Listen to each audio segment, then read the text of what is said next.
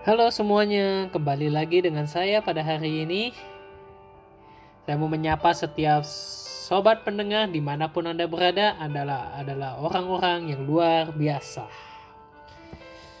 Oke, hari ini kita mau bahas sesuatu yang sangat menarik tentang personal branding.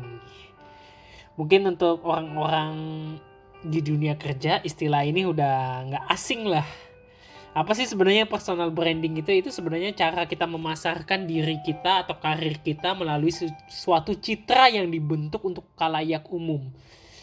Jadi personal brand itu seperti brand personal kita gambaran diri kita jadi kita pasarkan. Dan kita tahu ya kecenderungan orang-orang itu senang membangun personal brandnya.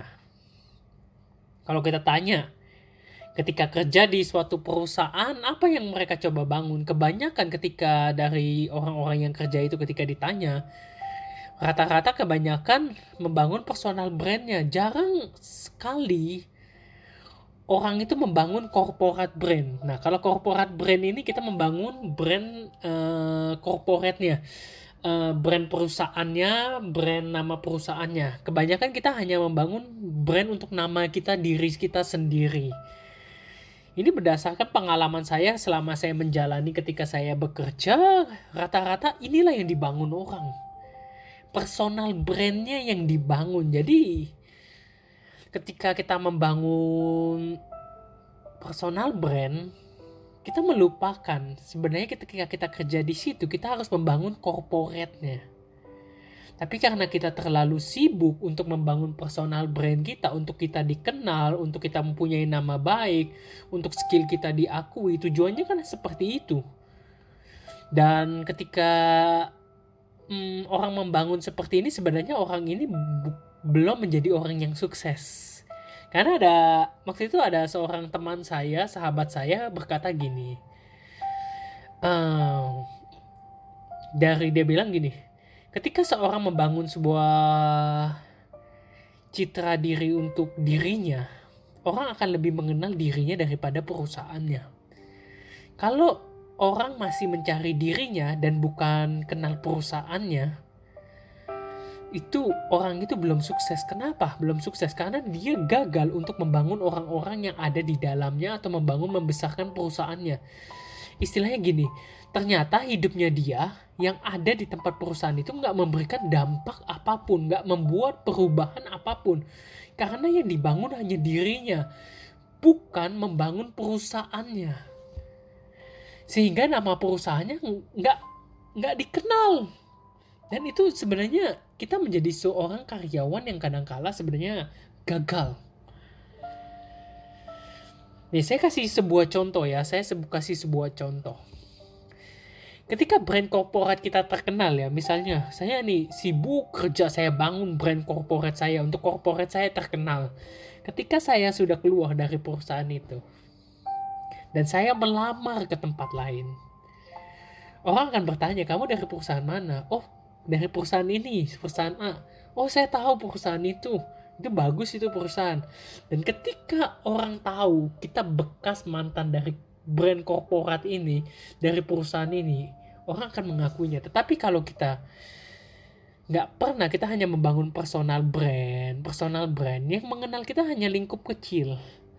Dan ketika kita keluar dari suatu tempat itu orang-orang akan mengenal kita. Dan ketika ditanya dari perusahaan mana? Ya perusahaan ini. Oh saya nggak nggak tahu gitu.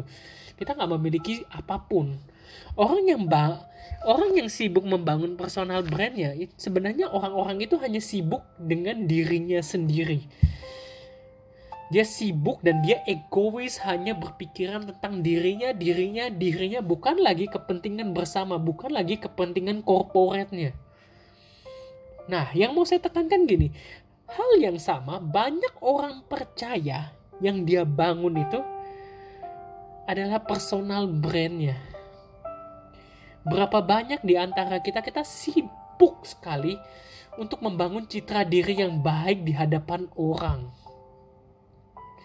Orang itu hanya fokus pada dirinya sendiri dan tidak fokus kepada kepentingan kerajaan sorga. Dia hanya fokus kepada dirinya agar dirinya terkenal, agar dirinya diberkati, agar dirinya terkenal sebagai seorang pelayan Tuhan yang baik, pemusik yang baik, atau terkadang pengkhotbah yang baik. Sehingga dia melupakan kepentingan kerajaan Allah. Nah, saya bacakan satu ayat, Yohanes 3 ayat 30. Dikatakan seperti ini, ia harus makin besar, aku harus makin kecil. Jadi saat itu murid-murid Yohanes bertanya kepada Yohanes. Dan dia berkata tentang Yesus, dia yang harus makin besar. Yesus yang harus makin besar, tetapi aku harus makin kecil. Orang seperti inilah yang memikirkan kepentingan kerajaan sorga. Dan kalau kita baca di Filipi 2 ayat 1 sampai 5, jadi karena dalam Kristus ada nasihat, ada penghiburan kasih, ada persekutuan roh, ada kasih mesra dan belas kasihan. Karena itu sempurnakanlah sempurnakanlah sukacita dengan ini. Hendaklah kamu sehati sepikir dalam satu kasih, satu jiwa, satu tujuan dengan tidak mencari kepentingan sendiri atau pujian yang sia-sia. Sebaliknya hendaklah dengan rendah hati yang seorang menganggap yang lain lebih utama daripada dirinya dan janganlah tiap-tiap orang hanya memperhatikan kepentingan sendiri, tetapi kepentingan orang lain juga. Hendaklah kamu dalam hidupmu bersama menaruh pikiran dan perasaan yang terdapat juga dalam Kristus Yesus. Dan inilah goal kita, inilah kemauan kita.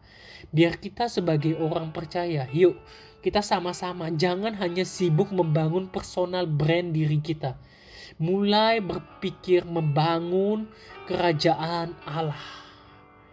Mulai belajar membangun kehidupan Kristus di dalam kehidupan orang-orang. Dan saya berdoa biar melalui message singkat ini kita menjadi orang-orang percaya yang tidak egois dan tidak hanya mementingkan diri kita sendiri dan kita mulai menjadi kesaksian menjadi dampak bagi orang di sekitar kita. Terima kasih, Tuhan memberkati.